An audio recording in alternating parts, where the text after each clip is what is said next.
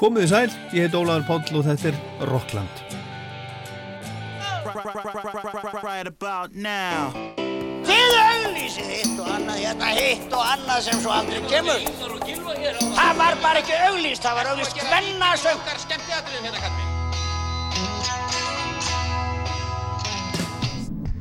Hvað gerir kvöld? Kíkja á tónleikana? Ekki? Eða ekki betur mig að vera einan um einhverja brjála úlinga. Hvað minnur þau?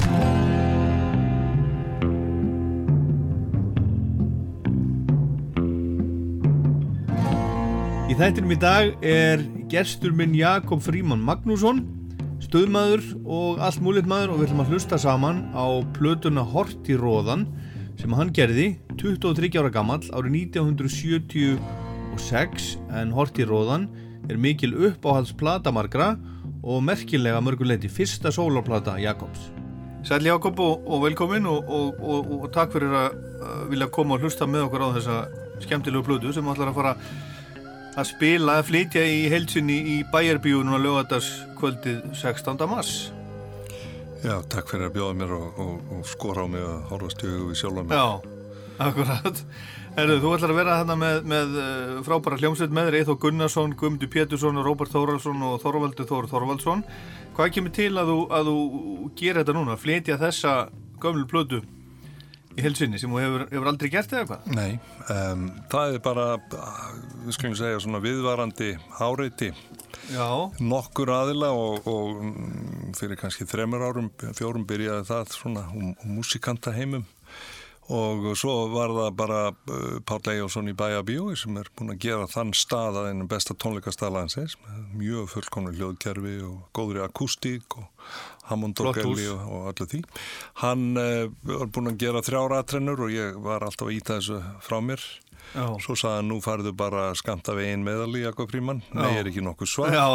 Og nú er ekki spurning um uh, hvort heldur hvenar. Já. Og svo sett hann einhverja þrjár dagsetningur og svo sem ég gæti eða ekki frestað var þessi 16. mars og þá er bara að láta sig hafa það og Já. gera þetta vel með stæl. Já, akkurat. Og þú, þú, þú ætlar að, þið ætlar að spila plötuna bara eins og hún, hún kemur fyrir? Um, sko við spilum öll lögin af plötunni. Já. Uh, og um, það verða engar sko stórkoslegar breytingar á, á, á röðuninni en, en kannski nýka til örlittlu. Nú er það? Það er möguleiki en það er ekki alveg endalega ákveð. Þetta Nei. er auðvitað allt í þetta en, en við erum bara... Þarf ekki, en þarf þetta ekki að vera í förstu mm, formi? Mm, þarf þetta ekki að vera svona í þeirri röðu sem fólk þekkir þetta? Jú, það er, það er eitt sjónamið. Um, ég hugsa að það verði svona 95% þannig. Það já, er möguleiki að svoppa. Einu eða tveim. Já, herðu, já. Herðu, við skulum, við skulum bara henda okkur í að, í að uh, lusta á fyrsta lægið, hérna, Sól í dag, Sildu með mér Marianna synguru. Ertu, ertu nokkuð að syngja hérna um Marianna? Nei, en hins vegar get ég alveg viðkjönt að ég var ekki meðvitaður um hvað ég raunverulega var að semja eða skrifa eila, og varð mjög undrandi þegar ég hlustaði þetta allt saman eftir og ég spurði, gerði ég þessa blötu? Samdi ég þetta? Og uh, það er stundu kvarlað mér að það hafi verið einhver svona handan móðunar þarna að, að vinna þetta í gegnum mig. Því að Marta þessu var alveg ótrúlega ómeðvitað og, og kom sjálfur mér jafn mikið óvart og eins og möðrum Herðu, við skulum bara heyra þetta. Sól í dag, upp á slag Hort í róðan sem við ætlum að hlusta á alla henni hérna í dag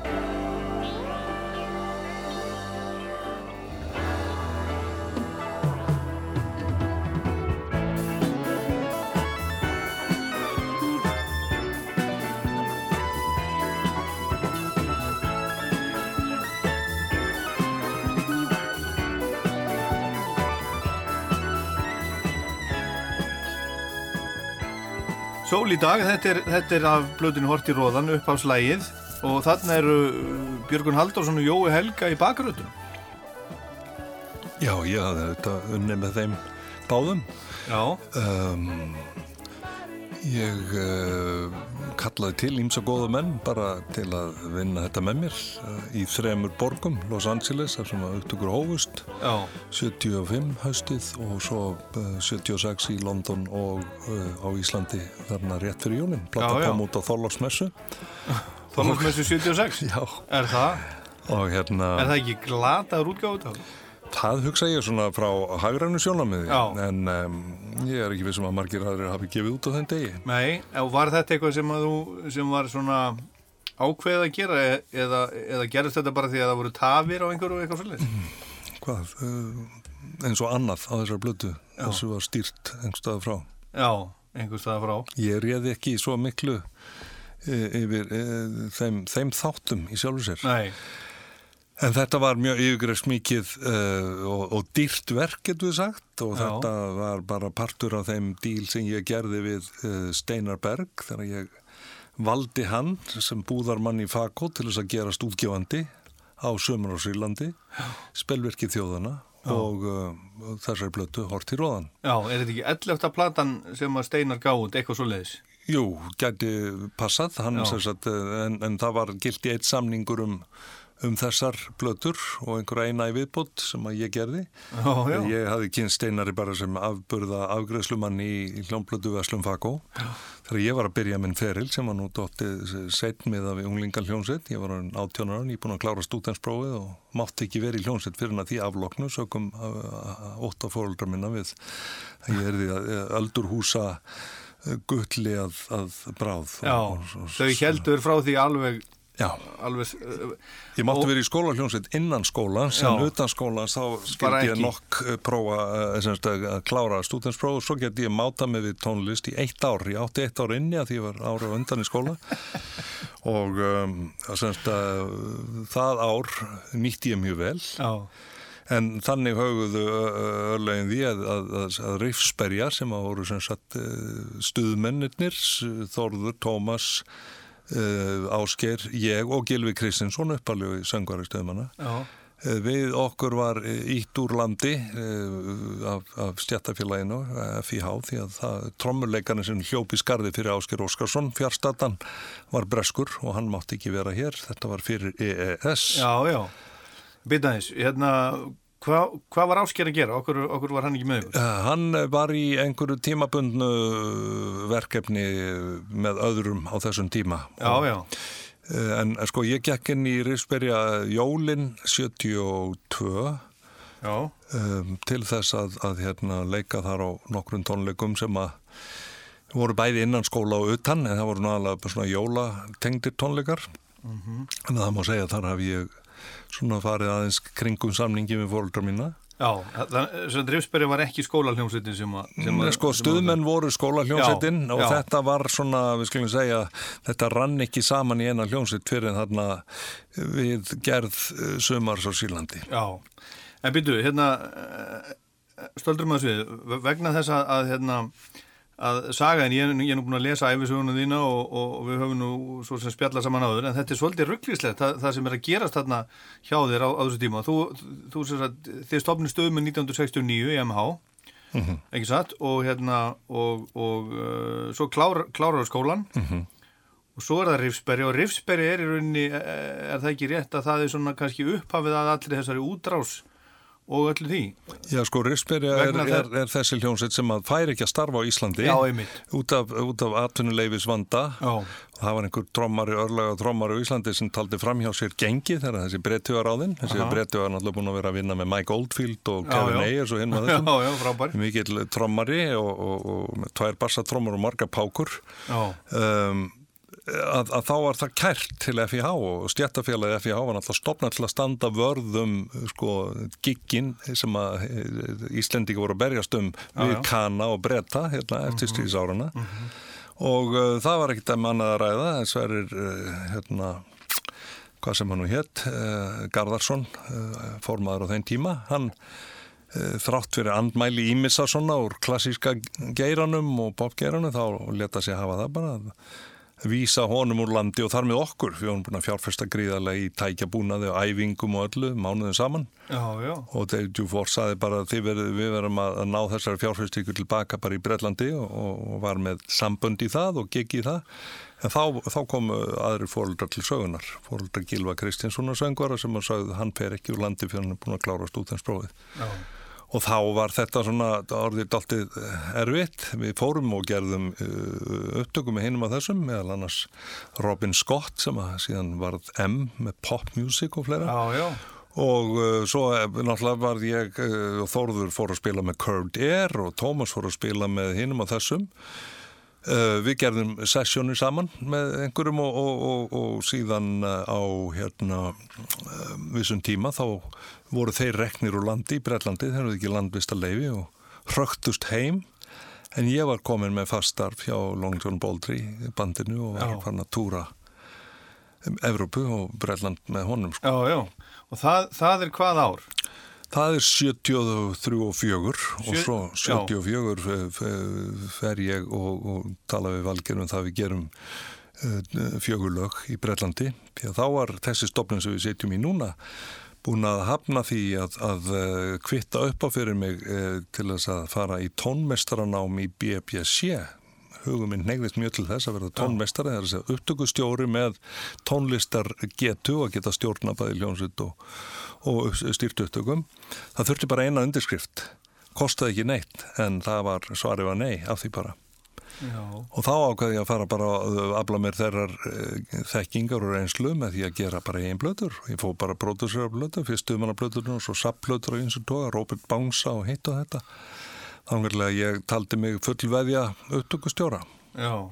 búið að vara mig við því, fæði mig var búin að segja við með þetta er örglega ekki skemmtlegt að vera hangin í einhverjum stúdíu með hljóðnum og segubannstæki og svona. En það var það sem ég langaði óskaplega til að gera og að hefa ekki hort um öxl síðan Og það fórstu að gera. En, en hérna, þegar þessi, þessi uh, plata sem við erum að hlusta á hérna í dag, Horti Róðan, kom út, þá, þá voru sem sagt uh, fyrstu stöðmannarblötunar komnar út. Þær komu sjö- fyrstu tvær Já, Já. Uh, Sumar á Sýrlandi og Tífóli. Það komu 75 og, og, og sex og 70 og, og og sex þarna um haustið um, já, Sumar Sílandi kom út á 17. júni ég held að Tífóli hafi komið út þarna um haustið og svo þessi á hausti 75. Já uh, sko Tífóli platan kom 76 Já, og uh, mín plata var eiginlega unnin á svipuðum tíma. Stuðmenn komu til Breitlands þar sem ég var að vinna þessa plötu. Já, og nældu af mér einu lægi sem átt að vera á Hortiróðan sem heiti Kveiti Björn. Já, það átti að vera það. Já, þeir, þeir samfæri með um það að því væri betur komið á stöðmannplötunni og það Já. Eh, hefur sannlega reynst ágætlega sko, hvað stöðmenn var þar, eitt með spilaða lag okkar. Já, já, En, en hérna, eh, ég var síðan áfram í Breitlandi, kláraði það sem ég þurfti að klára þar, um, var með teipin frá Los Angeles frá árun áður, eh, þar sem ég hafði farið með Kvítorbakka tríónu, fyrst til New York að stjórna upptökum á Ír og síðan áfram til Los Angeles, kerðum Route 66, kerðum þvert yfir eh, til Los Angeles með við komum í Vegas og Salt Lake City og hérna um, þar sem sagt eh, hófust upptökur í Record Plant í Los Angeles. Þetta er bara eins og, eins og að sita með Forrest Gump að sita hérna með því að þú ert, ert svo ungur hérna, þú ert bara sko, Þetta er, já, ég er eitthvað 20 ára, eitthvað svona. þú ert 23 ára þegar Horti Róðan kemur út Já, ég að með gera þess að þetta er, þarna, þetta er 75, þá er ég 20 og tökja. Já.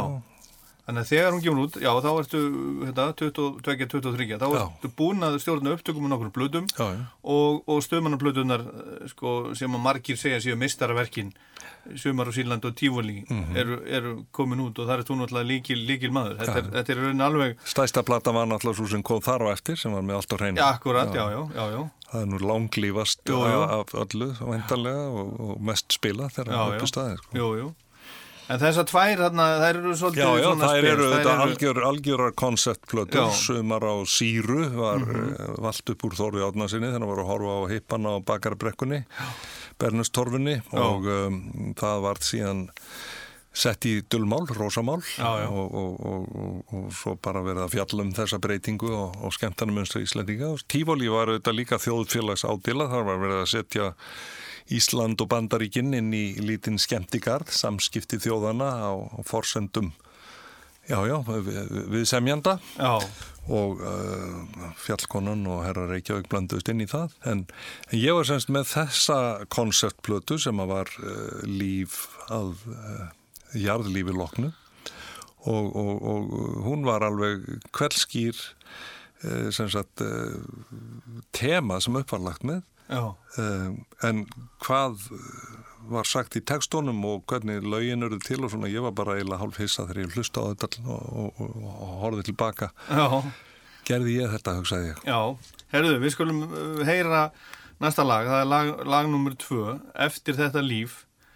Uh, Sko, þannig er, uh, sko, sól í dag gæti, gæti hafa verið á stöðmannarblödu, Já, og var mikið spilað í útvarpi á þenn tíma og sapplötum og svona mann eftir því, en þetta, svo kemur þetta lag, eftir þetta líf, þetta er allt, allt annað. Þetta gæti verið uppháslag í einhverju svona 70s lögguþætti eða, eða bíómynd.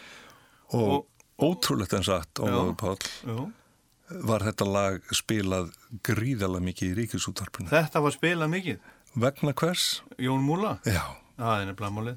það var Og hann satt oft, ég vann stundum með honum í þessu stúdíu nákvæmlega, þannig ég held að Múlin sé með okkur. postuli Jassins let þetta ekki eh, hjá sér fara Nei, nei. og deildi þessu Já, í morgun útvarpi og öllum tímum dags Já, þetta er merkinlegt.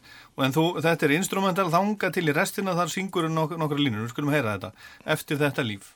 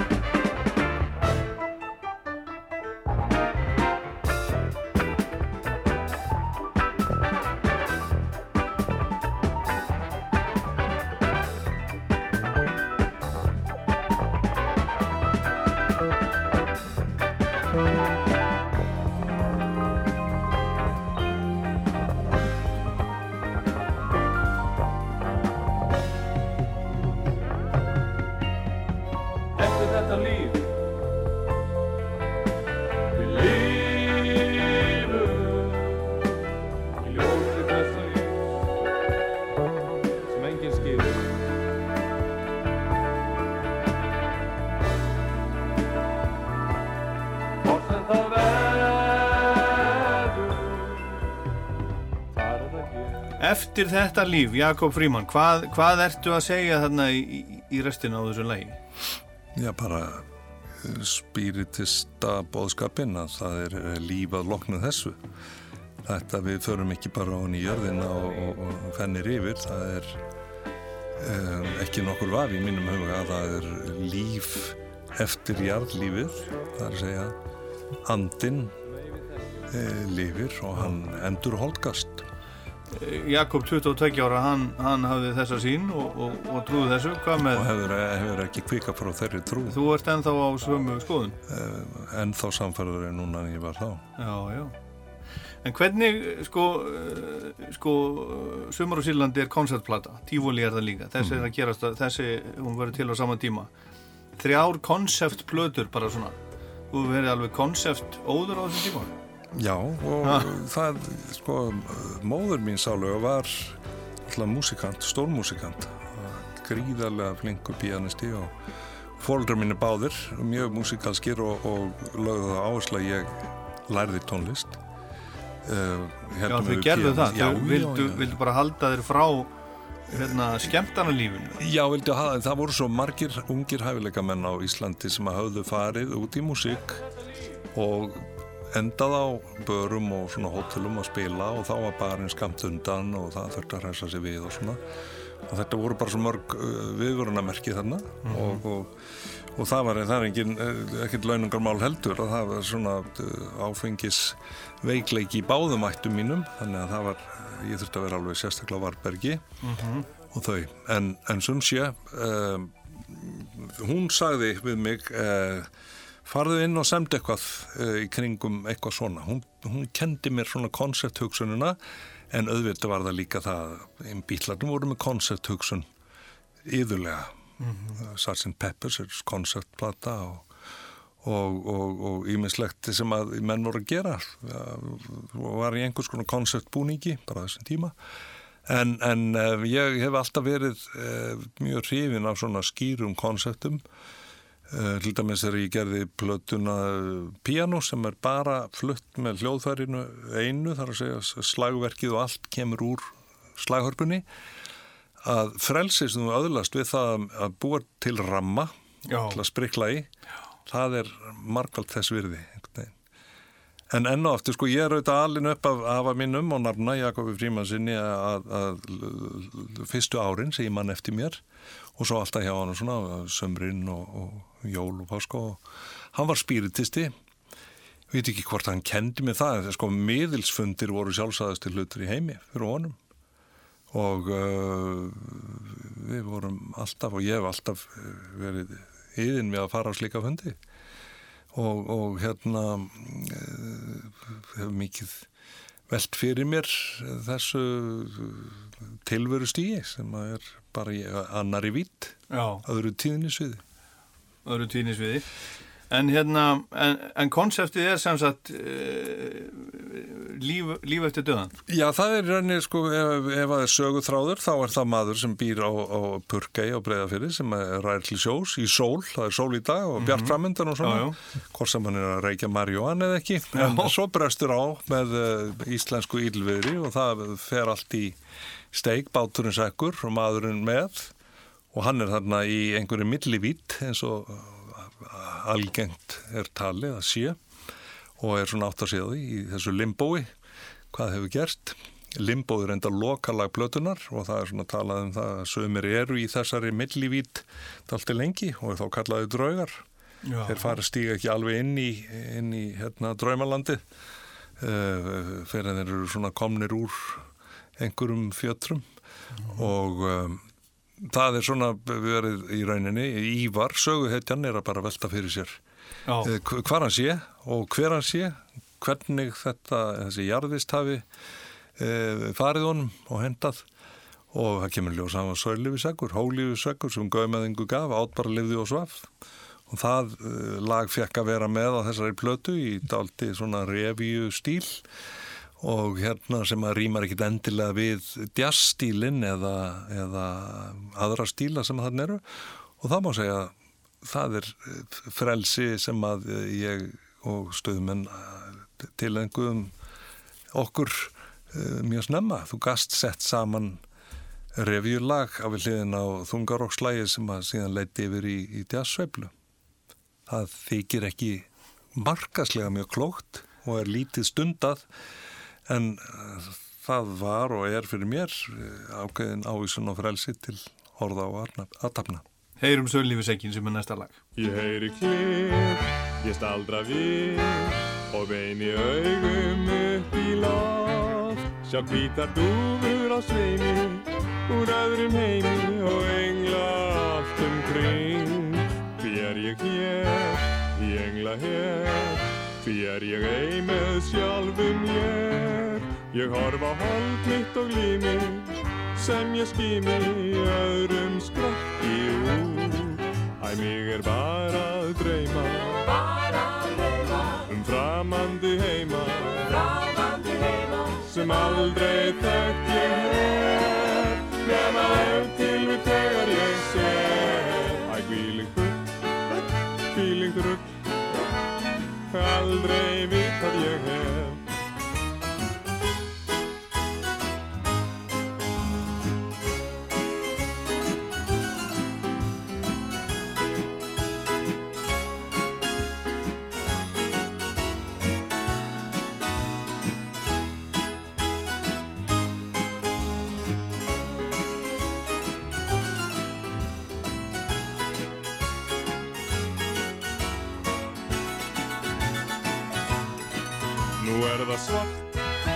hér er svo margt sem ég hvorki skiln ég við. Mig finn ég Gabriel grípa, að kvíli klípa því tölski fyrst mig fann. Loks er ég laus, við þeirra raus og nú opnast augum mín. Ég heyri náherinn kvísla, hvað varst að sísla jarðlífinu í.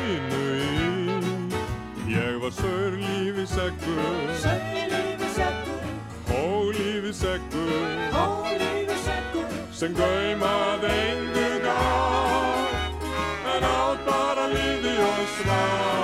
Nú verður hól, mitt að mál, og ástríðurnar ormum að brá, og ástríðurnar ormum að brá, og ástríðurnar ormum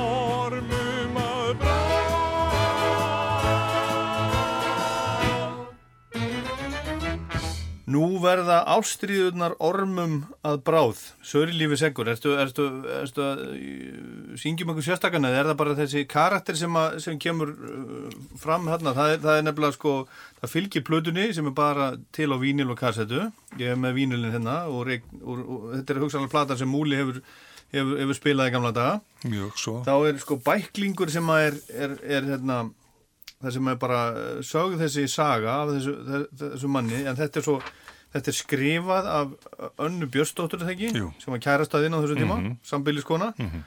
En það er svo erfitt að lesa þetta.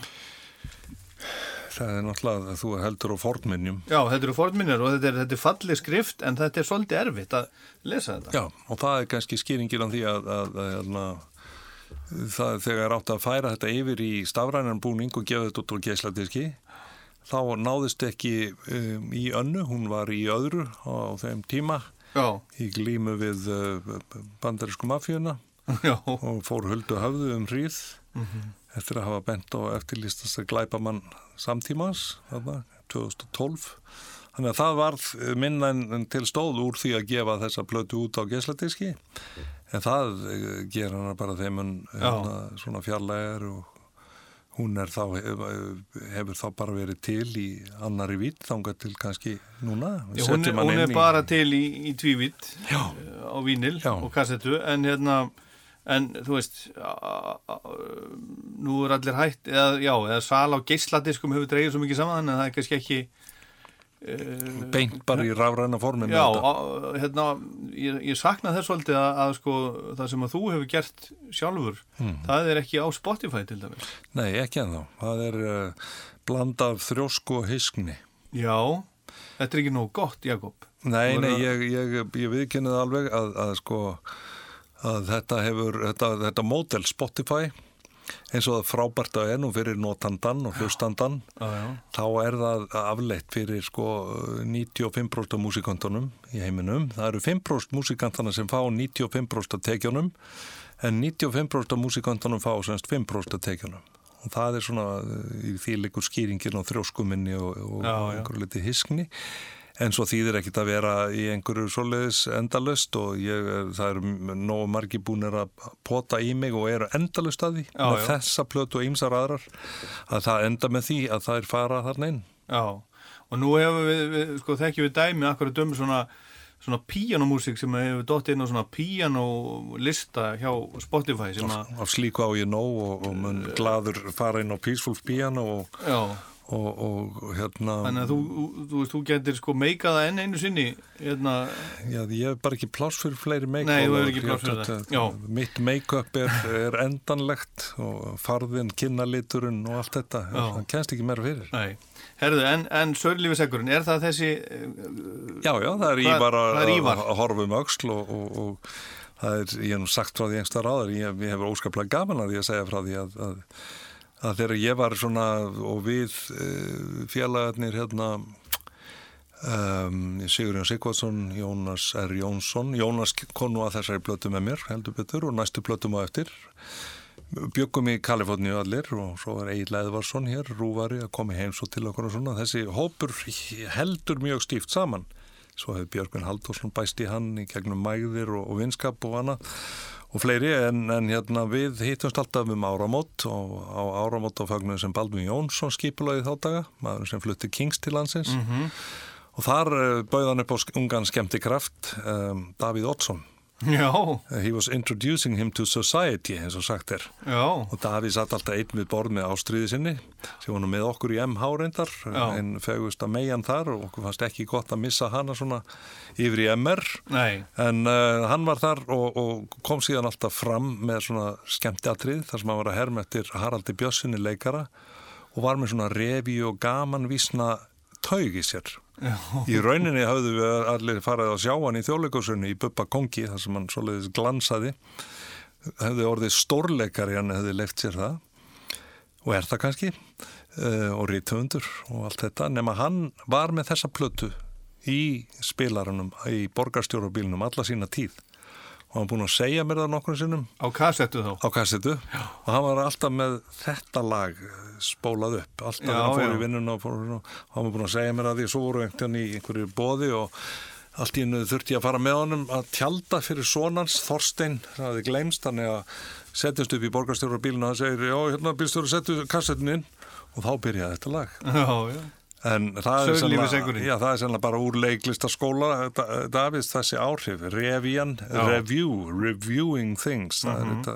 Já, þetta, þetta geti mitt hafa, hafa verið í, í, í söngleik, en hvaða, eh, svona, að þessu lægi aðeins aftur, hvaða svona fyrirmyndir eru? Eh, Þú varst að tala um bítlana, þeir, þeir er gerðu náttúrulega- náttúrulega helling af svona lögum, svona revíulögum. sko, það sem er líkt með bítlunum og íslenskum Og NM64? eh, hljómsveitum er þetta sing-along element þetta er, þetta er norðlægur verkamanna klúpskúltúr svona bara sveitaball Já. það sem menn verða að spila við alþýðuskap, eitthvað sem fólk getur sungið með og hans dansa við. Og Já. þetta er auðvitað allt í svona eh, 50s, eitthvað 40s, 50s stemning þarna. En uh, ég meina Tom Waits hefur alveg farið inn í þessar stellingar og eins fyrir fleiri. Tin Pan Alley er þetta kallað og ég fekk með mér í þetta lag að útsetja svona viðegandi hljóðfæri þetta og skrifa út mikinn fjölskyldu vin og einn besta vin föðu minns Magnús Ingimarsson hljómsveitastjóra sem var með vera gessur að gætnum árabil ótrúlega flottur og dásanlegu maður uh, og hann, hann uh, gerði þetta, hann hafði stýrt fyrir okkur í MH um, uh, Dixieland hljómsveit MH sem að, sem að ég var svona pianistinn og, og, og við lekum í gísl söngleiknum sem að var settur þar upp eh, og, og, og Magnús Ingimarsson var dýrmættur leiðbennandi og hjálpaði mér mjög mikið Já, og já. nafni hans Magnús Pétursson þegar ég var í Hagaskólanum þar áruna undan En hérna, var Dixieland músík í gísl? Nei, það var Dixieland hljómsettin hérna, það var- sem var kend við mig á þær tíma sem að einni bar Kristinn Sigmundsson stórsöngvara og Stefán Ólafsson, þjóðfélagsfræðing og trompet og Baldur Sigursson, básónuleikara, tengd af föðuna sérna Freys Egilssonar og svo mætti lengi telli þetta, Já, merkið sveit og við spiluðum bæði Dixlan músík og þessa músík í gísl. Já, það var svona uh, þjóðlaga Já, þannig að það, það er sándið þeirri Dixland hljónsveit er ekkit ólíkt uh, því sem að þarna heyri sko. akkurat. Herðu, þetta var mjög mikið spilað líka í útvarpinu þetta lag og svo uh, tvö, þrjú önnur á þess, þessari já. blötu. komum að þessu, við tökum þetta eitt lag í einu, eins og þeir gera í A-samtökunum, það er bara eitt Já, dagur í einu, þetta er tólspora plata, er það ekki? Jú, ég held það. Já, já. Hérna, þessi kona, eh, sko, umslægið það er svona hvítur rammi og, og uh, svo er inn í því mynd, þetta er inn í einhverju svona herbergi, það sem er gluggi uh, fyrir endan, enda herbergisins og það er fyrir utan er neonljós sem er spurningamerki og þarna svífur í lausu lofti kona. Hvað er, hvað er verið að fara hér? Og hver er konan? Þetta er um, hugarsmíð um, Önnu Björns og John Thornton ljósmyndara sem hún hafði unni með í Breitlandi. Anna Björns var náttúrulega, hún var topp uh, ljósmynda fyrir sæta og síðan leikona, fyrst í Breitlandi og svo í Bandaríkjanum og þekkti alla bestu fagmenn þeirra þjóða þegar komað ljósmyndun og ég naut góðs að því auðvitað og, og hún var mjög involvd í þessu verkefni. Og, og þessi kona er auðvitað í annari vít, hún svífur, hún er, hún er svona nánast gegnsæ og, og svo erum við þarna með, með fyrir utan gluggan í myrkrinu spurningamerkið um, hvað er, hvað verður og hvernig. En John Thornton er sem sagt eh, höfundur beggja myndana, bæði á forlið og baklið. Ég heitti hann uh, fyrir ekki svo mörgum árum síðar, þá hafði hann uh, sjálfur svona farið í aðra vitt ekki kannski í hérna hefðbunnu skilningi þess heldur hans um, um, geð um, og hafði farið svona út fyrir hinn hefðbunnu mörg almennra geð heilsu Hann- hann og hann, hann hann, sagt. já, hann er nú ekki fallega líst svoleiðis Nei. ástandi menn geta notið góðs mjög af því að fara hátt upp og vera, vera bipolar mjög margir listamenn sem að nýta þann uh, það flögt í geðslæginu eða geðheilsunni sem uh, dífurnar og, og öldurnar. Hann var bersinlega einn af þeim. Ég vissi það ekki þegar ég hitt hann fyrst en ég vissi það síðar að hann hafi farið inn á, á stofnun og verið þar árum saman. Já, já. En, en þetta er semst þetta bara, þetta er hans teik og, og Önnu Björn sem hann hafði um slæðið og hún var mjög uh, inn í þessu, uh, vann mjög náið með mér og, Mhm. og ég og hann er mjög margt að þakka í, í þessu verkefni og reyndar öðrum sem að þar komu á eftir. Já, en þessi, þessi, þessi kona hérna, er, er, er þetta einhver sem þú manst eftir? Nei, þetta, er bara, konan, módel. eh, þetta er bara konan úr lífi Ívars. Konan og lífi Ívars. Herðu, þá skulum við heyra, heyra næsta lag. Það er lag sem kom út fyrir nokkrum árum með ný dönsk. Mm Hálfgett gospel. Já. Eh, Hér er, já, sungið um, um, um trúabráð. Já, það er innblásið af, uh, við skulum segja, vikulum heimsóknum sem ég fekk þegar ég bjóði í Breitlandi af Vottum Jehova sem að bankuðu upp á og, og vildu komast inn og uh, ég hleyfti þeim inn, eða það var blökkumadur sem var mjög svona, við getum sagt, eh, svona eh, skemmtilegur persónuleiki, vel upplýstur, vel lesinn og hann fekk að spjalla við mig um trúmál og trúabröð á svölunum í húsinu sem ég bjó í London og, og, og svo kom, eh, lendi hann í slisi og þá kom annar rútleiðinlegur og hann var með tilbyrðu til andlegs ofbeldis og í kjálfar slíks samt í lægið og blandaði nú bara uh, öllum trúabröðum sem ég hefði kynst eh, inn í textan. Ég hefði sko kornungur þegar ég kom fyrst til London kynst vísindakirkjunni sem Já, já. lokkaði mig inn bara á Tottenham Court Road í einhvers konar communications test eða já, kommunikasjónspröfu og ég glansaði því prófi og þeim líkaði það nú ekki. Þú voru að reyna að sko læsa klónum í mig og vildi fá mig sem kuna hyrða með tíund og kenna mér að verða það sem kallað er Claire þegar að búið að fara með legamælin á þig og fara með þér í gegnum allt lífið frá, fram fyrir fæðingum er að segja þá er búið að veiða allar neikvæðu slæðurnar úr karusellunu í umilli ernanáður allar neikvæðu minningum og þá ertu uh, laus við allar hömlur og ég kynntist fjölda fólks í til dæmis í Los Angeles, Chick Corea, Stanley Clark og, og fleirum sem að höfðu feta þessa leið og þakka L. Ron Hubbard, stopnanda vísindakirkjuna, allt sitt. En þarna eru þetta ákveðin svona kaltæðin í textanum. Þetta eru bara hugmyndakerfi sem að, uh, eru brönduð og, og auglýst og kynnt.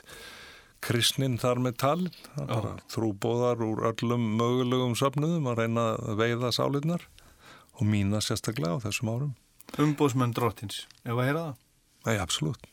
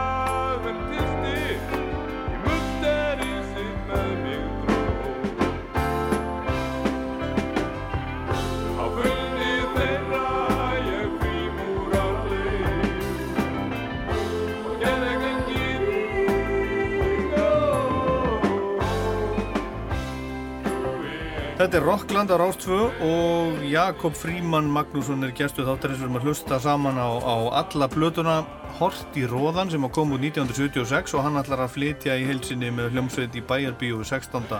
mass næstkomandi. Þetta lag hérna, umbóðsmenn Vendróttin sem margir tengja eflust við, við nýdönsk vegna þess að þeir gáðu þetta út fyrir uh, nokkrum árum vegna þess að þetta er, þetta er uppáhaldi á þeim og kannski sérstaklega Jóni Ólafssoni Er þetta eitt af lögunum sem var, sem var spilað í uh, útvarpinu á þessum tíma? Já, það var það, en ekki eins mikið og sömönnur, en, en sem sagt, uh, þeir í nýtönsk voru með allavega tvö önnur lög af þessari blötu ég mann rétt. Sól í dag var að þeirra prógrami, þetta og já, það er eitthvað eitt sem ég man ekki alveg hvað gæti hafa verið, en, en þeir bersinlega uh, kunnu góð skil á, á Já, þessu já. öllu og hafðu gaman af. Akkurat. En umbúrsmenn drottins eins og segi þeir eh, hérna ég hef einu svona flutta með Byrni Jörundi og Jóni og einhverju samkomu en ég get lofaði því að um, öll þessi lög verða miklu betur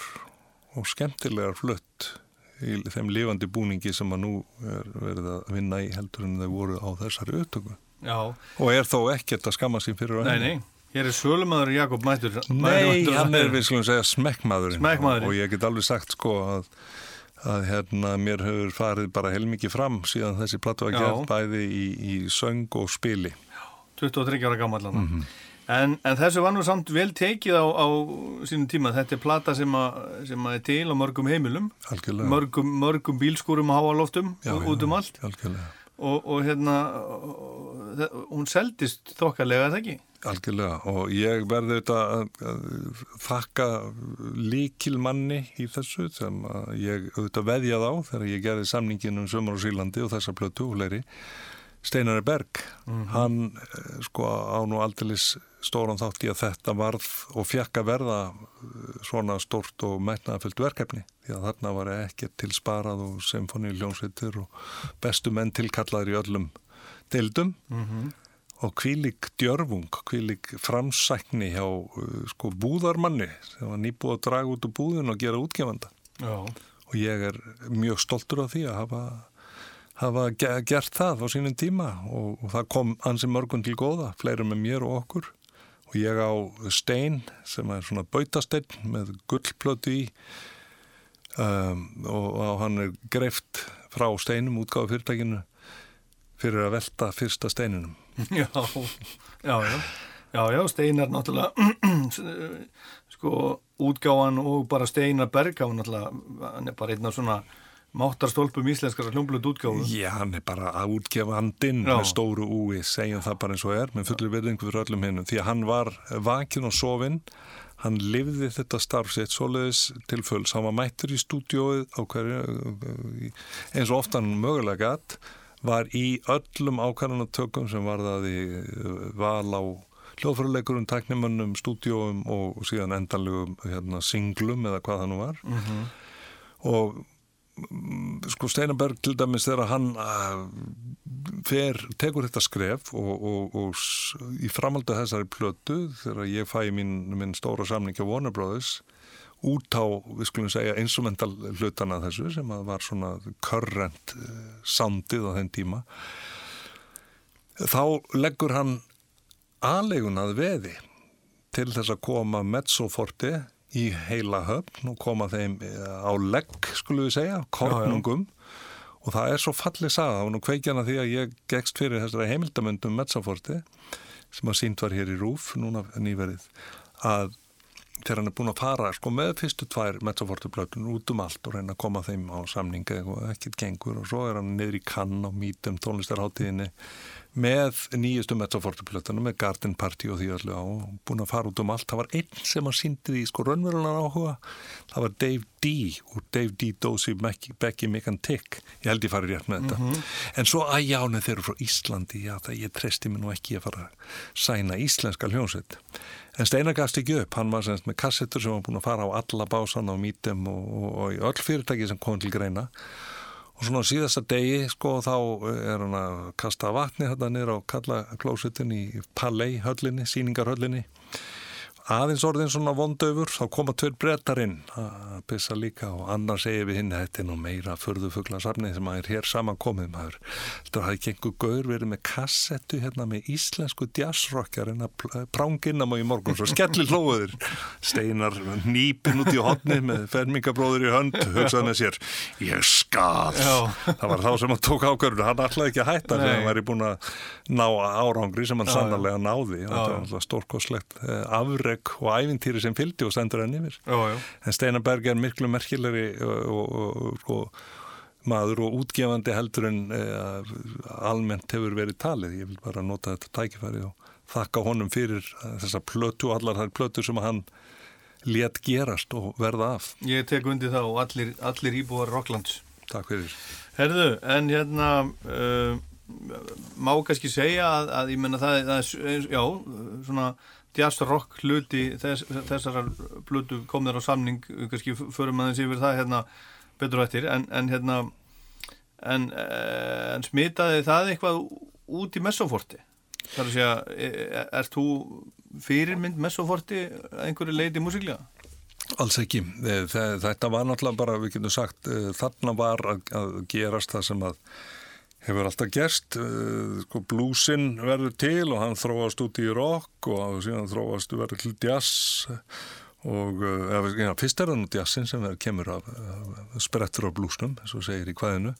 Svo verður rocki til og svo heldur þetta áfram, svo verður til prog rock Og þegar það er svona, að, segja, búið að, að eh, eiga sinn tíma, stóru nöfnin voru Genesis og Yes og þetta prog rock allt saman, þá fer það svona að uh, þróast yfir í það, það kemur jazz og leysir það í rauninna holmi, stæsta stadium svona hljónsett um, þarna 76, 78 í heimi er Weatherport jazz hljónsett sem er eitt af mörgum pródúktum uh, hennar frægu Bitches Brew Session og Miles Davis sem að blés nýju lífi í jazz uh, heiminn með, með því að blanda saman ramögnuðum hljóðfærum og, og váa, petal og trompet og svona.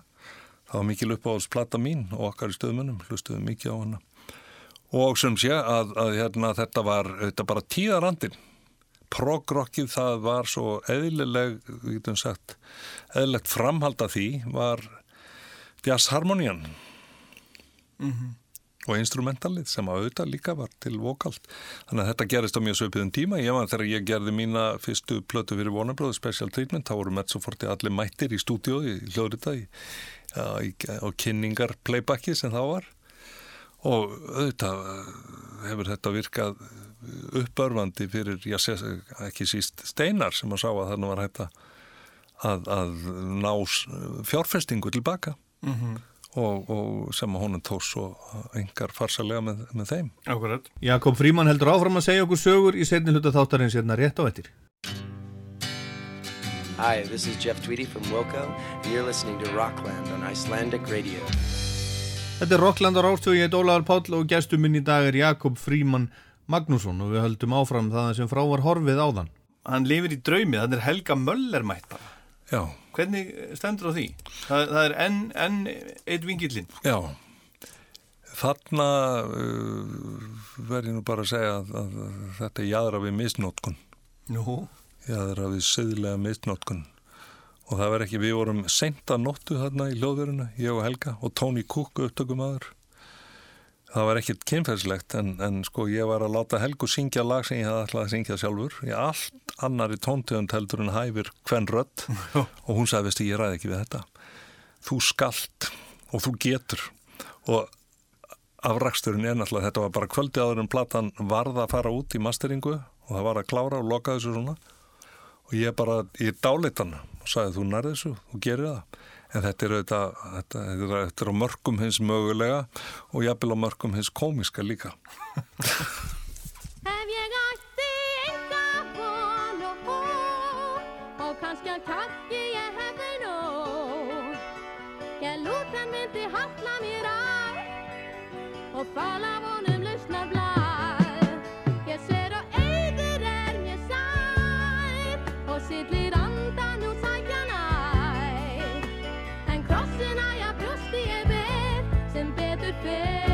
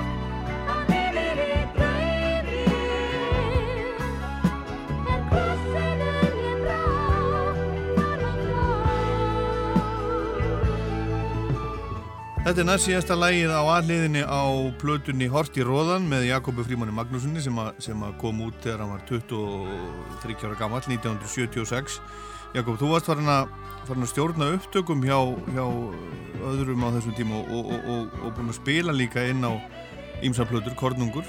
Er þetta að segja að þú hafi verið undrabann? Ég er talin eitt elsta undrabarn sem er á lífi þarna á Suðvestur hodninu Já. þessu myndir, já.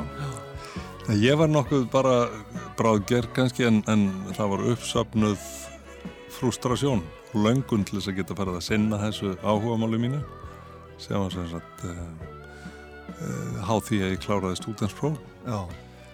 og að því átti þetta eina árinni uh, hafandi byrjaði tímakenslu hjá Sigriði ömmu sýstu minn á ringbrötinni fjögur ára þá gæti ég helga með tónlistinni næsta árið og ætlaði síðan að setjast í læknadild Háskóla Íslands og Þú ætlaði að gera það? Já, já, var fór með anatómíuna með mér, var með hann alltaf við, við rúm um, á náttborðinu og uh, kynnti mér hana vel. Dr. Jakob Fríman? Ég hugsa ég hefði getað uh, líknað og læknað ef ég hefði gefið mér að því. Já, já.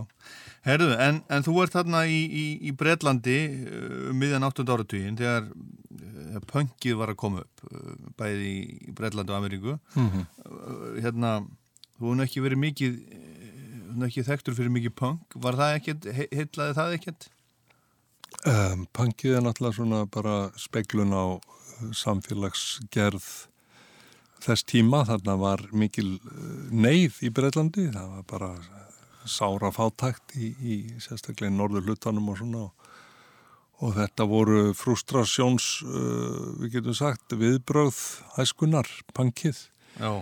og það var með það eins og annað hér upp á Íslandi var náttúrulega svona speiklaðist yfirlega það sem var að gerast annar staðar en við vorum bara ekki með sömu nöttulu aðstæðunar og vitaminskortin hér Nei. En með heiðalögum undartekningu þó ég meina Purkur Pilnik var flott hljómsveit það og ég og fræbladnir og allt þetta Kom náttúrulega aðeins setna, sko. Það, það, Jú, jú, það það- kemur ekki fyrir um 1980. Sko. Akkurat, nei, nei, en, en ég eh, þetta, svona, var þarna þegar þetta var gerjast en, en um, ég, var aldrei neitt sérlega snortin af neinu nema bara energinu sem að var hérna þetta bara. Sástu eitthvað af þessum hljómsveitu spila? Sástu klass eða sex pistols? já, já, já, já, saman, Já, já, já, og, og fannst bara gaman. Já. En um, músiklega var þetta, þetta bara svona einhvers konar, já, já, bara hrátt energi og bara rock'n'roll með, með svona nýjum formerkjum. Já. Fuck, fuck the system formerkjum. Þekktur eitthvað af þessu ágæta fólki? Þú ert nú, nú þekktur fyrir það, þú, þú þekkir eil alla og, og, og veður í alla ef þú, ef þú sér þá? Já, ef ég líti á það sem jafningja mína, en ég náttúrulega gæti ekki lítið á þetta fólk sem jafningja. Þetta er mikla áfjarlar mínir, andlega allir. Nei, nei, ég, ég hitti eins og Johnny Rotten og, og ímsa uh, þessum, uh, þessum kreðs. Ég meina það er nú vitað að, að sko Malcolm, uh, hérna, McLaren sem var umbósmaður Sex Pistols, hann var líka umbósmaður uh, Tom a Tom, hljómsveitarinn sem hann var í Breitlanda þenn tíma. Já, það var þannig. Já, já, hann já, og Tommy mér að segja var sendur í audition til Sex Pistols en þótti alltaf góður. Hann kunn alltaf mikið. Þegar, Sid Vicious kom inn. Já. Já, þetta er Glenn Matlock. Ætti, já, já, það er nú ennum sagða. Herðu, höldum áfram, höldum áfram með, með blöðuna, hort í róðan, næsta lag, Horfin tíð. Þetta er svona uh, 70s pop eitthvað. Ég, var að hugsa, sko, þegar ég var að hlusta á blöðuna, þetta er eitthvað sem að, sem að bara Glenn Campbell hefur til dæmis getað sungið. Já, já. Um, enda eins var, voru hortsteinar þessar blötulagðir í hans heimalandi, bandaríkjunum. Já. Þetta er þetta svona, já, já, brest, bandaríst, íslenskt, um, sambland af, svona getur við sagt, áhrifum og tíðaranda. En hvað, hvað ertu að fara þarna? Þarna er, uh, þarna er hinn látni að lítum öxl en, en ferðina, nú er það ekki hugmyndakerfin, trúabröðin og pólitíkin heldur bara persónulega lífið og fyrst ástinn og allt það.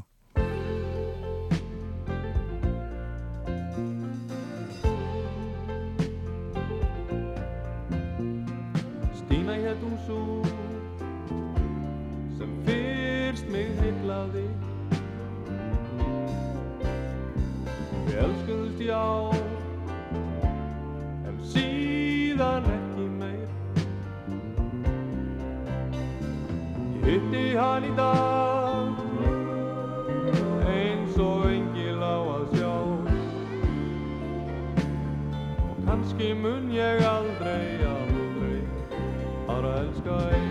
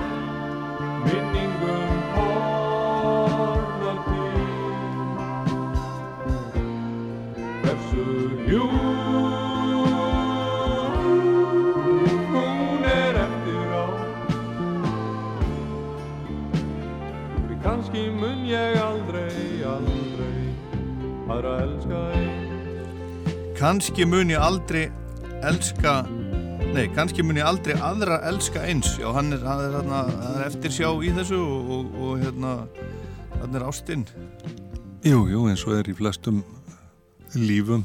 og, og flestum lögum, það er alltaf verið að syngjum ástina meir og minna. Já, þetta er nú eina þess konar lægi á þessari en Já, já, það þarf að gera öllum uh, blæbriðunum skil. já.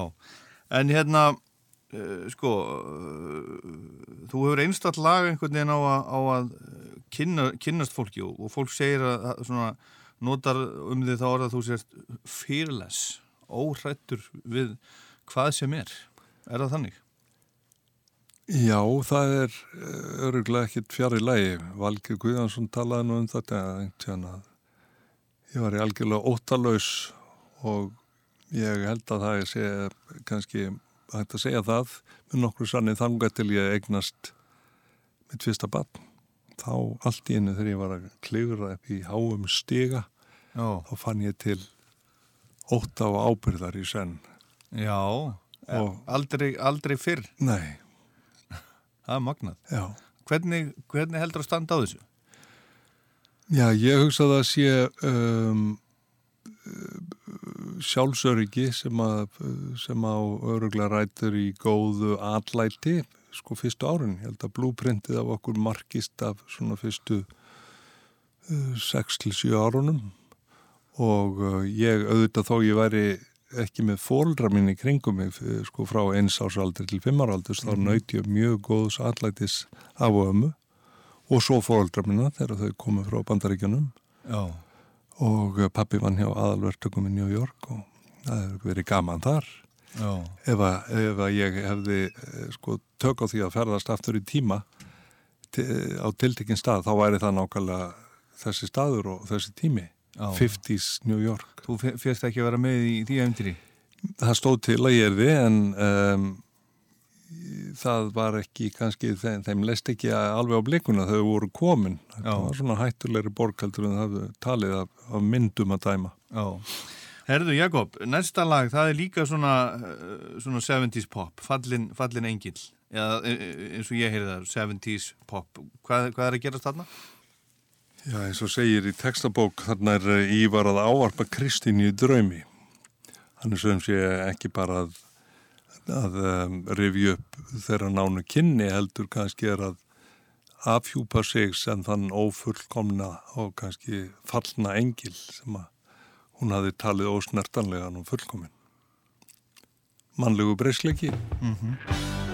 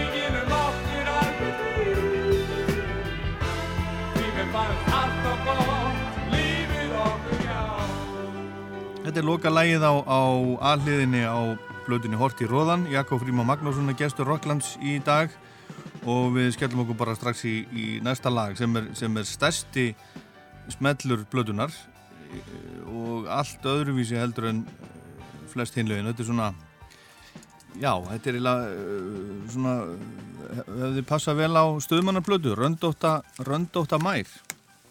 Ívar minnist landlegu í söðrannum höfum.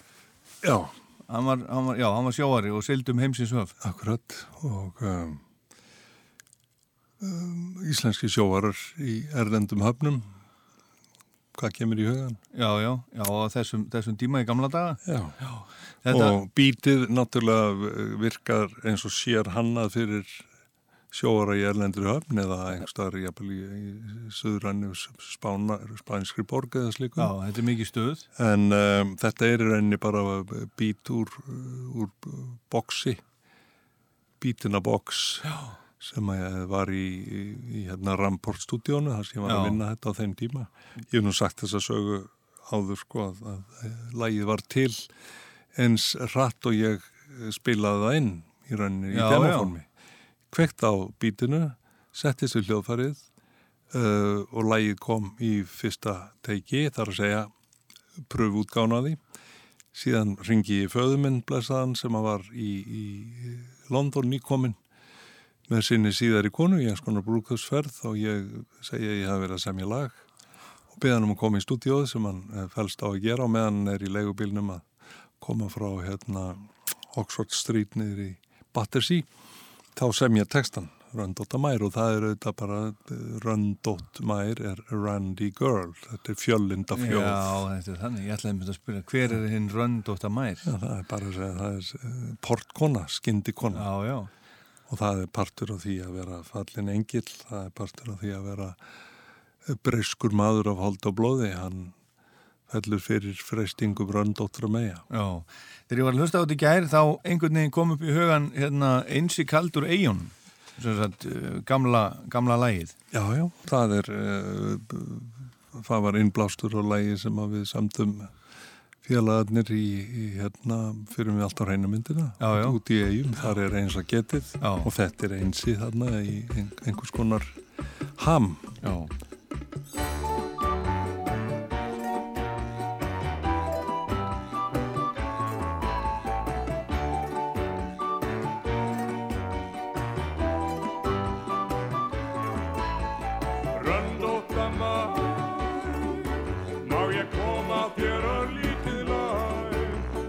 setjast hjá þér Hún saði no,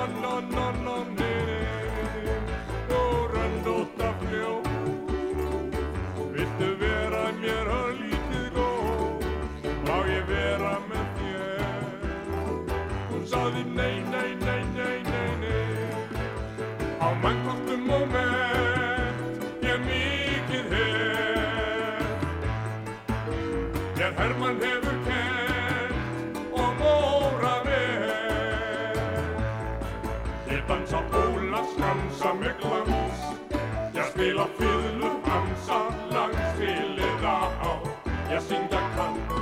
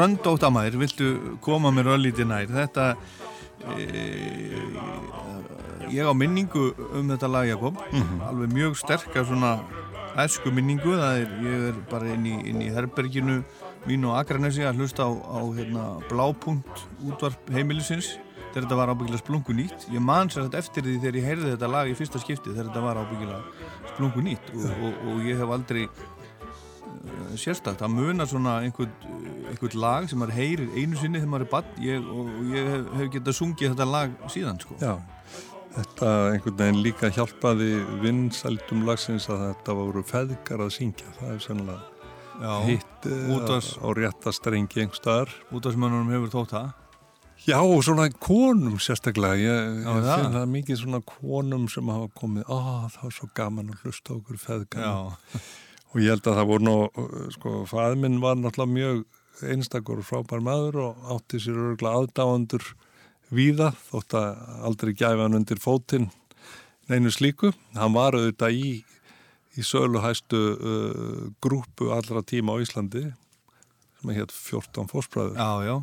Og vann mikið með Magnús Ingimarsinni sem útsetti og stjórnaði músikinni þar fyrir Svafa Gess, útgefandan uh, og, og hann hafði uh, mikla stúdíu og reynslu út af sig og var frábær söngvar, er búin að læra söng og, og, og, og organslátt og, og var mjög góður sko músikant með gott eira og frábær maður. Já, en þegar ég einhvern veginn svona í, í minni bensku minningu, sko þegar ég heyrði þetta, heyrði þetta þá fannst mér þess að lag hefði alltaf verið til. Það var svona, það er svona tilfinningi sem ég man ennþá. Þetta er bara eitthvað, eitthvað lag einhvers staðar úr geimnum sem hefur alltaf verið til. það var nákvæmlega þannig. Þetta hlóðst niður bara. Þetta, þetta fættist uh, allskapað. Og, og þetta er eins og önnur lög þessari blötu þetta var, eh, þetta var ekki svona laboreruð uh, laboreruð prósess sem að noti nú algjört slang. Mm. þetta, þetta var uh, einhver loftneta sendingamiðlun sem að hann átt sér stað. Þetta tíðin, ég var að, var að tala við, við kollegaðin Magnús Þór Sigmundsson í þessum sama þættum daginn og, og við vorum að tala um einhverju lög og þá sagði hann já, ég samdi það lag. Mm hann talar um að hann, hann hérna, semji sum lög Já, en önnur komi bara til hans. Já, já, hann er er rauninni eini maðurinn sem ég Nei, hann, hann sagði ég smíðaði það lag. Já, já, akkurat, það er nákvæmlega það sem ég var að reyna að segja, hann, hann fann ekki réttu Já. íslensk orðin. Um, það er sem sagt uh, með Magnús Þór Sigmundsson sem kemur nú hér við sögu og eftir, hann syngur með mér þessari blötu, einn margra. Uh, hann uh, er yðurlega og, og eða oftast þegar maður hittir hann, allan heima hjá honum, með gítarinn í fanginu að uh, opna sig fyrir neður hlaði af einhverju toga. Það er rosalega merkilegt og aðdánuvert hvað hann er, hvað hann er uh, bara flinkur við það, mm leifa þess að koma til sín. Já. Hvernig fannst pappaðin um lagið, Röndóta Mær? Og honum fannst það fínt og skemmtilegt. Pappi minn var náttúrulega uh, svona alveg einstaklega vandaður og, og svona, hvað getur maður sagt, sómakjær drengskapar maður og ég fekk uh, svona bakþanga með að hafa látið hann koma inn og syngja þennan uh, hraðsóðuna texta sem ég hafði skrifað niður, þar sem er portkonur beðin um að leggjast með manni. Já. Það var út af fyrir sig eiginlega brota á friðhelgi Magnúsar, eins og það eru verðu að.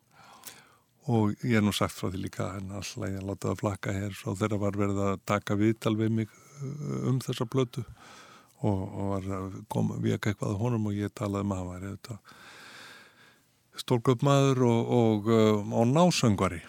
Já. það sem maður sem syngur í Já. yfir, yfir uh, látnum mönnum. Ég var mjög eftirsóttur í því.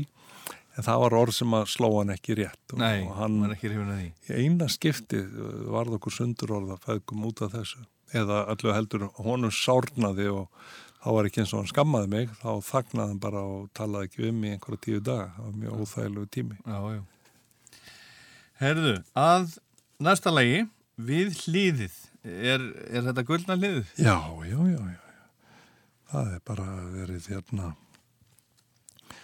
það er verið að banka upp á og uh, þannig er svona komið, búið að fara í gegnum ferilinn og, og ferlið, þetta að fara yfir helstu þætti og svo er verið að reyna að koma sér inn í einhvern rann. Og það er stundu talað um það þegar þú ert við döðastýr þá, þá fer lífið eins og raðspólun í gegnum hugan á þér og allt rifjast upp í snöggum stuttum myndum. Og ég komst nála því einu sinni á þess að verða sérstaklega hrættur eða, eða hérna niðurbrotin að, að ég var upp í fjalli og við vorum þarna nokkur félagur úr MH, Valger var þar fremstur meðal jafningja, mikill skíðakappi og íþróttakappi og Guðmundur Stefánsson og einsir fleiri og það var verið að príla upp glerhalt fjall, mjög bratt.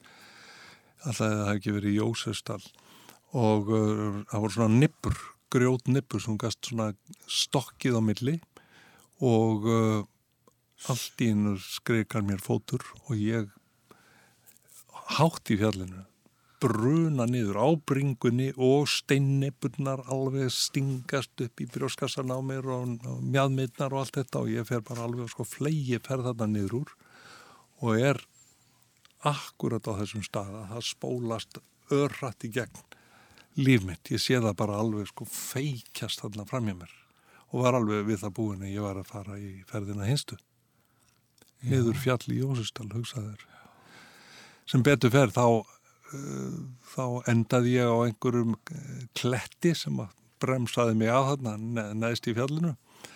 Og um, stóð upp og var nú ekki meint af aðeins svona eitthvað skrámaður.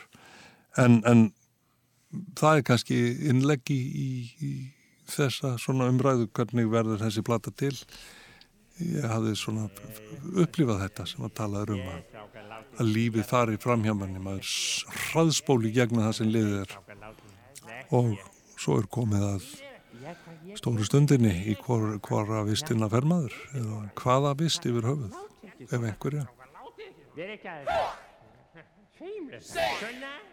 að um. Nei, ég ræði ekki hennan. Fela. Fík, fík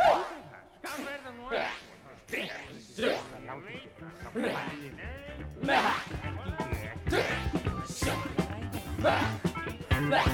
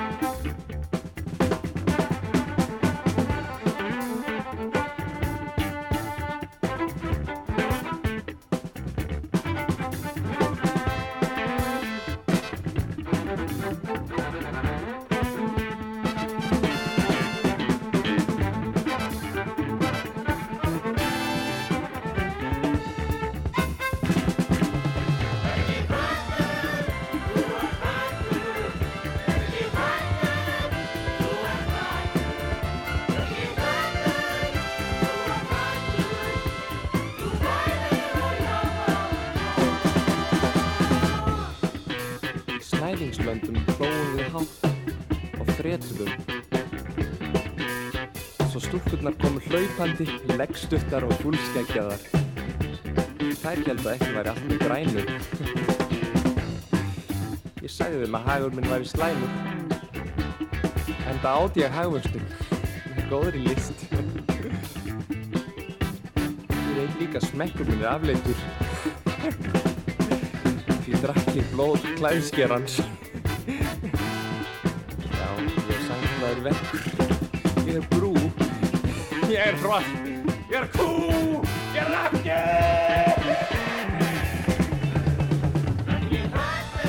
Þetta er við hliðið uh, Jakob Fríman Magnússon af blöðunni Hort í Róðan þetta er svona funk, rock, disco svo öskrar hérna, ég er kú ég er rakki hvað, hvað er, að, er að gera stóna? Já, ég er, er svo nýbúin að hlusta á þetta aftur að ég veit að bara eitt að þarna er svona galgópaskapurinn allt í fyrirrúmi. Ákveðin kæruleysis tilfinning yfir því að vera eiga ekki afturkvæmt aftur snúið og, það er verið að, að skamma sín og, og gandast í senn og, og svo förum við úr þessu yfir í svona einhverja austræna andlega Já, sem, leit. sem er næsta lag en hérna, en sko þetta er, þetta er alvarlegt efni á blöðunni, alvarlegt mál og það er sumt þarna mjög mjög svona alvarlegt á blöðunni en, en einhvern veginn svona grínið er eh, aldrei langt undan. Stöð, stöðumæðurinn hann, hann brýst alltaf brýst alltaf upp sko. Háðtalarinn já, já háðtalarinn Jakob. Um, það er, uh, sko, ef að menn eru þannig í lifandalífi þá, uh, ég bendi mér að þessu þannig, sko, þegar þeir skiptum vist. Ég, ég hef enga trú að þetta sé allt alveg graf alvarlegt og, og hérna, heilagt í handan móðunar. Það er ekki trú að því? Nei, nei. Nei. Og um, ég held að þarna sé bara uh, einhvers konar svona millibils ástand í gangi, eitthvað sem er mitt á milli þess að vera jarðbundið og, og loftkent og raunverulegt, órraunverulegt og um, einhver svona kannski psychosis hérna í bland, einhver svona um, þar sem að andin er fljótandi í allskins vítum og allskins lögum og um, það er kannski ákveðin eftir vending eftir því sem að verða vill. Já. Herðu, svo er það, er það næsta lag, Indversk áhrif. Ég, eh, sko, greini þarna, mér finnst ég greina þarna áhrif frá bílunum. Það er svona eh, within you, without you, er það ekki, það er ekki lægið? Allir þetta sé nú ekki bara sko tíðarandin, þarna erum við í hippismannum meðjum þetta er nú bara sko hippatímin er þarna, það er uh, þessi andlega vakning sem að uh, tengd er hugleðslu og í einhverfi í hugun og jú, výtlanir sem leiðtógar samtíma sem þeim tíma voru þar að sjálfsögðu líka undir fórustu uh, George Harrison og síðan uh, Maharishi Mhm. TM mannsins, Transcendental Meditation trúbóðans Já, já. sem gerðist hans í kátur í kjötinu eins og það gera stundu þessir gúrúar Já, já. en gúrú er þetta bara merkir kennari og þarna er gúrú Galgop sem vil bara hrísjón Já, akkur, hvaðan hérna, þú veist, við erum hérna, við erum sko við gullna hliðið og, og svo erum við farin að heimta hrísgrjón. Já, það er Hvernig- bara vegna þess að við, sko, hugmyndakerfin er ekkit uh, sko, mörguð það er engin kathólska eða, eða það er engin bútismi í annar vít þar, er, þar ertu bara í, í, í tærustu vitund og þú getur sveiflast á milli uh, kirkjunar hefðbunnu og östrætna hugmyndakerfa og þar eru hrískránu þetta aðal uppistaðan og gúrúar gúrú Galgop rýmar ágætla við Jakob Já. rappara dagsins í dag myndu láta Jakob rýma við Galgop Já, þeir myndu gera það. alveg eins og að rýma og, og svífa myndu vera að í ganga Já, heyrum ég vil bara hrísgrjón. en ég ætla áður en við heyrum það Ólafur þá er rétt að benda á sko við förum þarna úr úr þessum indverska uh, klerki eða gúru yfir í ram íslenskt rýmna skáld sem að eh, segir biblíana sem bögla róð fyrir brjóstu mínu, glefti ég hana allir einu, ekki komað gagni neinu.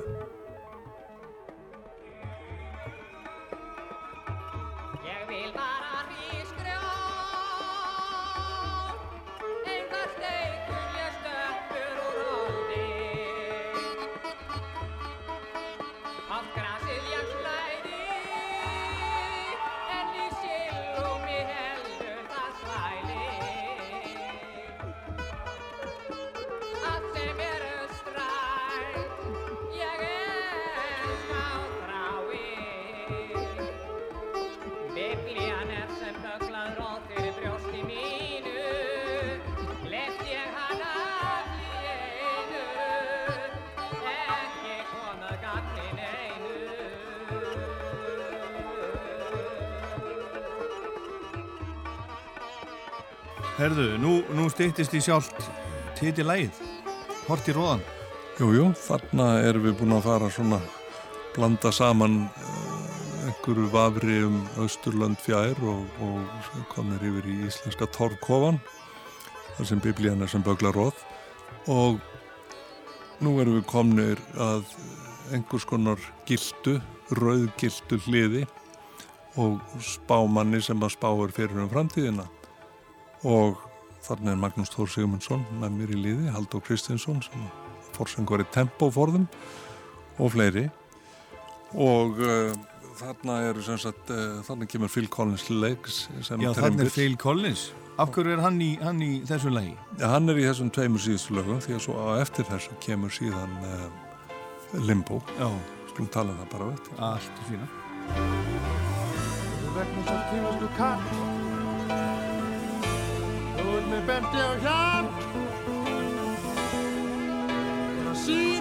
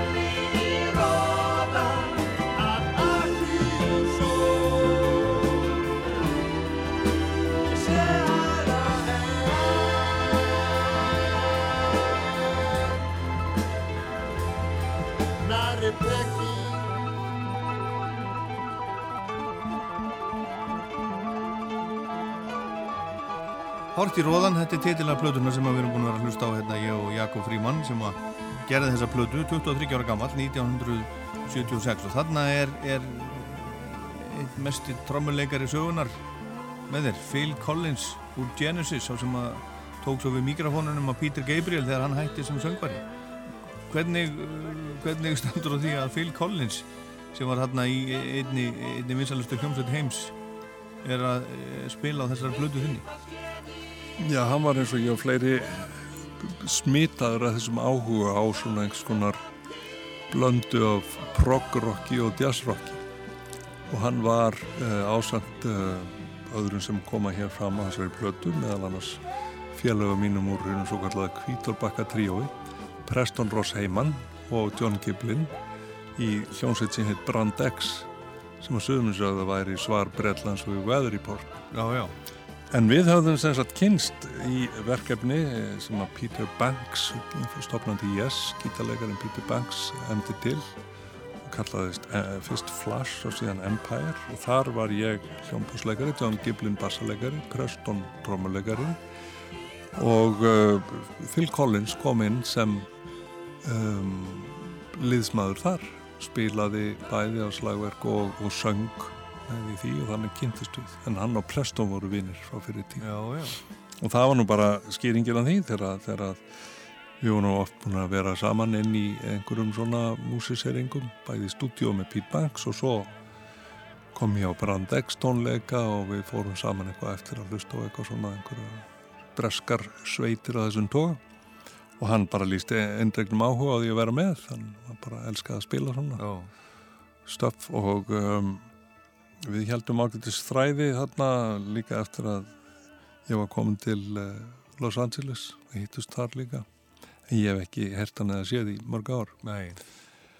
En er búin að lesa æfisögun hans? Nei, Hún var til í Costco á 1200 kall eða eitthvað? já, þá myndi það uh, vera tilvalið að kaupa bensín fyrir 500 krónur og kaupa æfisögunar 1700 Já.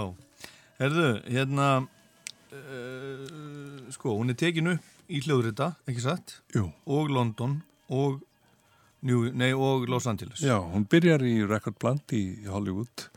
Þar var uh, þá uh, svona haustið 75, Já. svo segir í læginu. Það var um haustið 75 sem við fórum þarna inn í Record Plant og, og tókum þar nokkra grunna og síðan var haldið á fram í Highland Studios í London sem að heita eh, hérna, eitthvað allt annað í dag og Trevor Horn á uh, svo í Rampart Studio sem að Who áttu og þar voru teknar ímsar fleiri blöður í kjálfarið og svo í hljóðrita þessum fína uh, ranni upptöku mennskunar sem ennþá er í, við Trönur Renn 6 í Já. Hafnafyrði. En, en hvernig stóð á því að þú að byrjaði að taka þetta upp í Hollywood?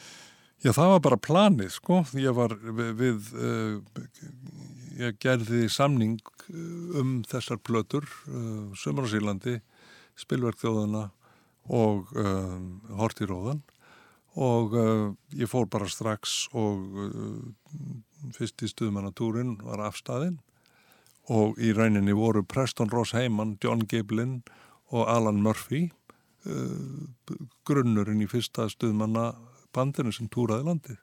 Já, já. Það voru þeir túruðu með mér, Já, svo fóruðu þeir saman uh, með mér til New York og ég gerði írblötuna, þeir komið aðeins að því en voru náðalega bara býðandi inn á hótelum, að það kláraðist og svo kerðuðu þvertu við bandaríkinn og og byrjuðum upptökur á, á þessu þar.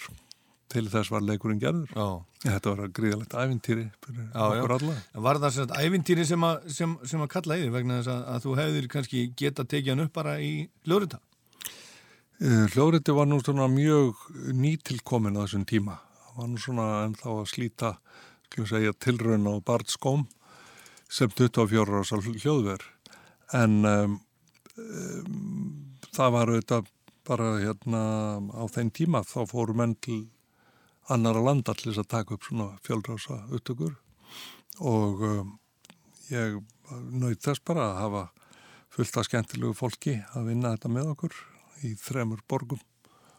Og um, eins og segi, Steinar Berg kvittaði upp á þetta og uh, dró aldrei úr stuðningi sínum við verkefni sem að lítur nú að hafa verið það stærsta sem hann hafi tekið þátt í til þessa dags en í þessu lokalagi limbói þá eru þetta mörguð stefnan til framtíðar og það, það limbó ef að uh, það orð er uh, við hæfi er ennþá, skulum segja, tema í mínu lífi.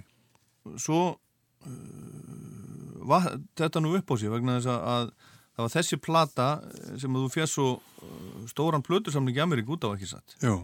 Segðu okkur aðeins aðeins að því áður, áður en við uh, heyrum loka lægið og segjum bless.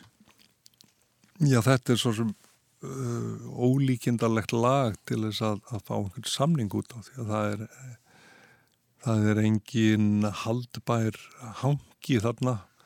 Þetta er ekki lag sem er heppilegt fyrir útvarspilun að hefðbunum toga, þetta er ekki eh, poplag í þeim skilningi. En það er eitthvað hana sem að menn kveikt á og ég var auðvitað bara fyrir tilviljun var platan með í farteskinu þegar ég var á þeirri tónleikaferðum Norður Ameríku sem að áttastandi í tvær vikur en endaði í einhverju 13 með Long John Baldry og hljónsett og svo enduðu þarna í Los Angeles e, í bóði Sharon Robinson sem var þar í þeirri ljónsveit með mér og er hér góð vinkonum en, enn í dag, nýbúin að koma til Íslands samferðakona Leonard Cohen í gegnum allan hans feril. Jú, jú. og uh, sem sagt uh, ég fer inn á um, uh, Chrysalis blötu fyrirtækið með blötuna þeir kolfjallu fyrir henni. Hann vélaði út um mér hulstri þar Tom Trumbo sem var yfir artist and repertoire deildinni. Og það plötu cover sem að ég við kennar ljómandi fallegt. Og vel hannað af önnum bjós það var upp á vegg hjá honum árun saman þó Já, ég já. hefði síðan tekið betra tilbóðið frá Warner Brothers Chrysalis buðu 180.000 dollara fyrir tvær svona fusion blöður en Warner Brothers buðu 250.000 dollara sem þýtti að það var hægt að, veist, að eh, festa sig þarna niður til einhvers tíma með, með húsi og stúdíu Já. og fá bestu liðsmenn eh, staðarins á þenn tíma sagt, uh, peningurinn sem að þú fjagst þegar þú skrifaður undir, hann dugði sem sagt, fyrir upptökum á næstu blödu Já, gott betur en það og, og, og, og húsi.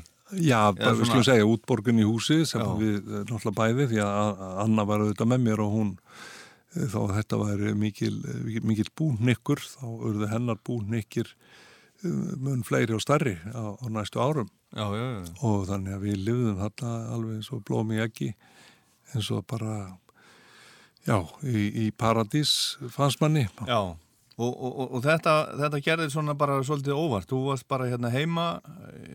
Ég var bara í, í nýstofnaðri þjóð, þjóðfélagsfræði deild Ólafs Ragnar Grímssonar Já. og satt uh, við fótskor hans, Svans Kristjánsson og Þorbjörns Brottarssonar og Haraldar Ólafssonar.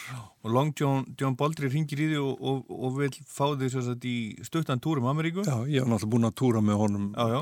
hellingaður og, og Já, jú, já. allt í lagi, þetta var fyrir fátakan námsmann sem var í hlutastarfi hjá dagblæðinu á þenn tíma líka, þetta var uh, góðu penningur og ég bara hoppaði á vagnin. Og þú ferð út, Ég fer út, spilar hann að túr, hann, hann verður helming, er, er miklu lengri. Já, hann er sexfalt lengri tilstóð. og svo bara sestu að í, í, í, í Hollywood. Já, já, þegar bara það, það voru all teikn á lofti sem að sa- sagði manni það, þú ert ekki að fara aftur vinnu minn, þú voru að klára þetta þína plikt hérna. Já, og hún var auðvitað þannig að maður uh, naut blíðunar og, og umhverfisins í þessari upplifunar borg uh, eða höfuborg upplifunar geira, svo skapandi greina. Og allir í Hollywood með verkefni í maganum. Tónlist, kvikmynd, bók eða eitthvað skemmtilegt. Gríðarlega skemmtilegu tími og, og bara maður fór heim um jólinn og fór svo aftur út, kom heim um páskana, fór aftur hei, út og dvaldi svo sömurinn á Íslandi, þannig höfðu þetta í einn 6-7 ár. Já, já, og um, það var fyrir tíma beinaflugsins. já. Þetta voru 15-16 tíma ferðalög já, já, sko. já, já. En, en platan sem að þú, þú gafst út á eftir þessari er, Já, sko, uh, st næsta stóra plata er Special Treatment Special Treatment, já. sem Warner Brothers gaf út, en, Já. en ég gerði eina svona, eða hálfgerða demoplötu í millitíðinni sem heitir Jópi Makadón og dýrin í sveitinni. Það er hvít plata. Já, já, svona, á hana. Já, í, í hvað er hún kalluð, tíu tommu eða eitthvað slíkt. Og um, þar var ég svona að leggja grunninn að uh, því sem verða vildi og prófa mig aðeins áfram. Uh, fyrir atbeina vinar míns Paul Brown sem að síðan spilaði inn á, á, á mínar fyrstu blötur með mér eh, sem gítarleikari, hafandi verið trommuleikari áður, var að reyna að finna þessu upp á nýtt Mm. Og hann er í dag stæðsti upptökustjóri bandaríkjana í þessum svona instrumental jazzgotna gera Já, já, og er hér með annan fótinn og er, eh, vorum að ljúka blötu okkar nummer 2 sem er að koma út í bandaríkjana mín núna í næsta mánuði. það er ekkit annað. Herri Jakob, ég ætla að skora á þig að- koma, koma músikinni þinni á Spotify. Já, ég tek þeirri áskorun. Ætla að, Þetta, eh, þetta gengur ekki, þetta nei. er bara, það er erfitt að, erfitt að nálgast þetta alls saman. Já, En ég- gerður þessar, þessar tvær blötur fyrir Warner Brothers? Já, ég gerði semst Special Treatment, Já, svo gerði ég uh, Jack Magnet já, og svo gerði ég uh, Time Zone sem heitir Tvær Sistur á íslensku og svo gerði ég aðra blötu sem að var nú við uh, heimild eða tónlistu úr kvikmynd sem ég gerði um, um fyrstur landflottamenn Íslands, Brasilíu farana og svo plata kom undir heitinu The Magnetics. Ég var með Alan Howard þar sem var svona uh, forritari fyrir Joe Savinul í Weatherport og vinnur með Steven Spielberg í dag. Hann gerði semst, uh, það verkefni með mér og það er að koma út líka í bandaríkjanu núna í april þannig að ja, það er svona það er verið að minna mig á og sennilega brína mig til þess að, að, að hlýða þínu, Já, þínu og Spotify væðast nú sé hægt, hægt að hlusta á þetta alls. Já. Herðu, hort í róðan, bæjabíó, ekki 16. mass, sjáumst þar. Takk fyrir komuna. Og ykkur hlustendum taka ég þetta fyrir að hlusta. Þetta var Rockland.